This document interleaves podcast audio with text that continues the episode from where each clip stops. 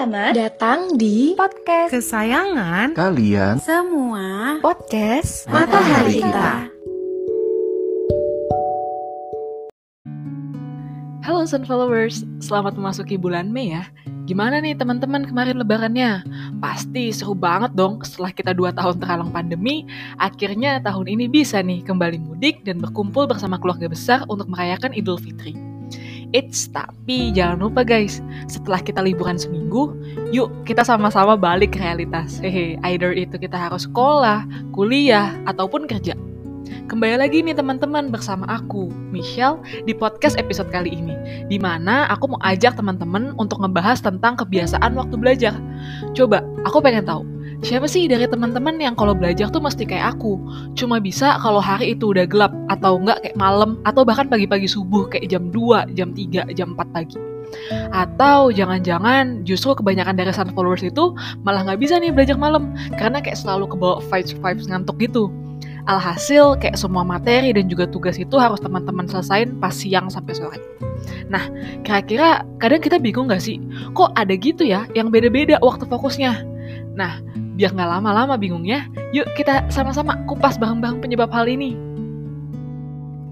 Oke, Berdasarkan penelitian yang dilakukan oleh para ahli sains, penjelasan mengenai kenapa sih ada orang-orang yang kemudian cenderung jadi night owl dan juga early bird dalam hal belajar, itu dikarenakan mereka itu memiliki circadian rhythm yang berbeda-beda. Nah, kemudian circadian rhythm itu sendiri apa sih? Nah, circadian rhythm itu adalah ritme tubuh kita yang mengatur perubahan, baik secara fisik, mental, maupun sikap berdasarkan siklus waktu 24 jam. Nah, proses yang terjadi secara natural ini merupakan hasil respon dari rangsangan berupa situasi terang dan gelap, siang dan malam. Makanya secara natural, normalnya tubuh kita itu bakal merasa energized dan juga terbangun di siang hari saat alam itu terang karena ada bantuan sinar matahari.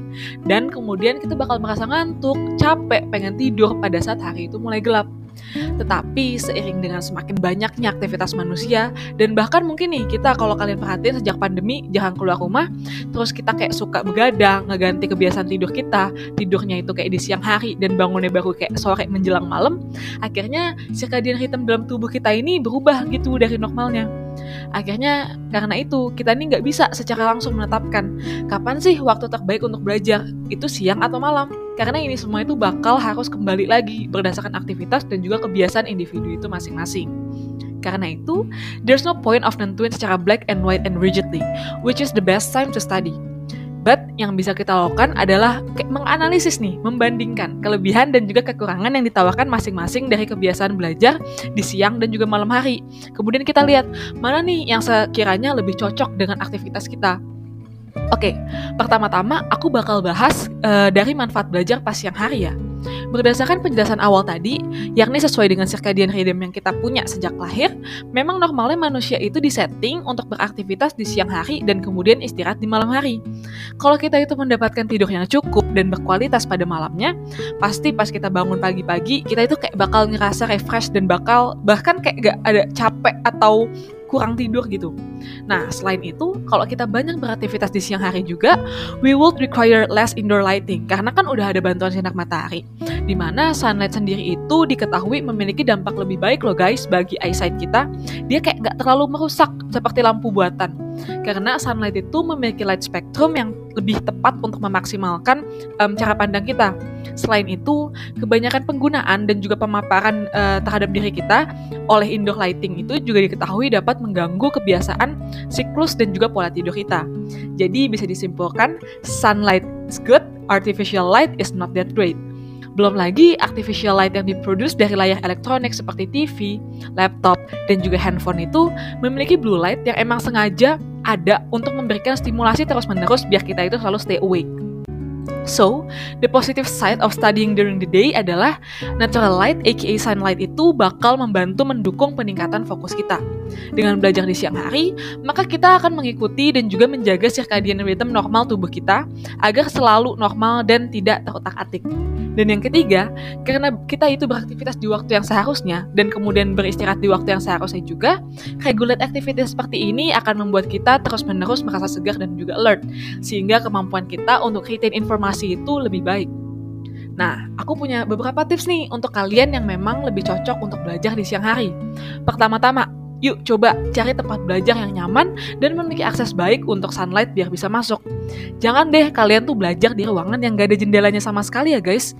Karena at least kalau kalian di kamar ada jendela, pas kalian pusing dan juga mumet belajar, kan bisa tuh langsung lihat pemandangan. Nah, yang kedua, hilangkan dan jauhin diri kalian dari semua possible distraction. Bisa itu HP atau konsol games kalian, bisa juga dengan blocking out possible distracting noises. Bahkan kalau kalian merasa nyaman dan lebih rileks belajar dengan musik, boleh nih teman-teman itu siapin playlist yang emang untuk belajar kayak lofi. Jangan genre metal ya, yang malah bikin otak kalian pusing dan terlalu teroccupied. Terus yang ketiga, makan ini perlu banget guys. Walaupun kalian emang pas belajar itu nggak lakuin physical activities, tapi tetap aja otak sebagai organ tubuh itu memiliki memerlukan fuel untuk bekerja. Fuel itu bisa datang dalam dua hal, yakni rupa makanan dan juga hidrasi aka air mineral. So make sure you guys are having enough meal and water before you guys start to focus and caught up on your study session ya. Kalau aku personally suka banget nih belajar sambil ngunyah, biar bisa sambil multitasking gitu deh. Next, kita bahas benefits dan juga pros apa aja yang didapat dari para night owls atau kalian-kalian, including myself, yang lebih suka dan juga fokus belajar di malam hari, bahkan sampai subuh. Nah, sering kali orang-orang yang lebih prefer night time ini karena mereka merasa malam hari itu merupakan satu-satunya kesempatan di mana mereka bisa mendapatkan situasi yang entirely peaceful and quiet. Akhirnya mereka pun bisa lebih leluasa dan juga santai untuk berkontemplative thinking. Suasana dan environment seperti ini yang biasanya berusaha dikejar oleh orang-orang tersebut, biar mereka akhirnya bisa masuk ke zona nyaman mereka untuk mulai retaining new information.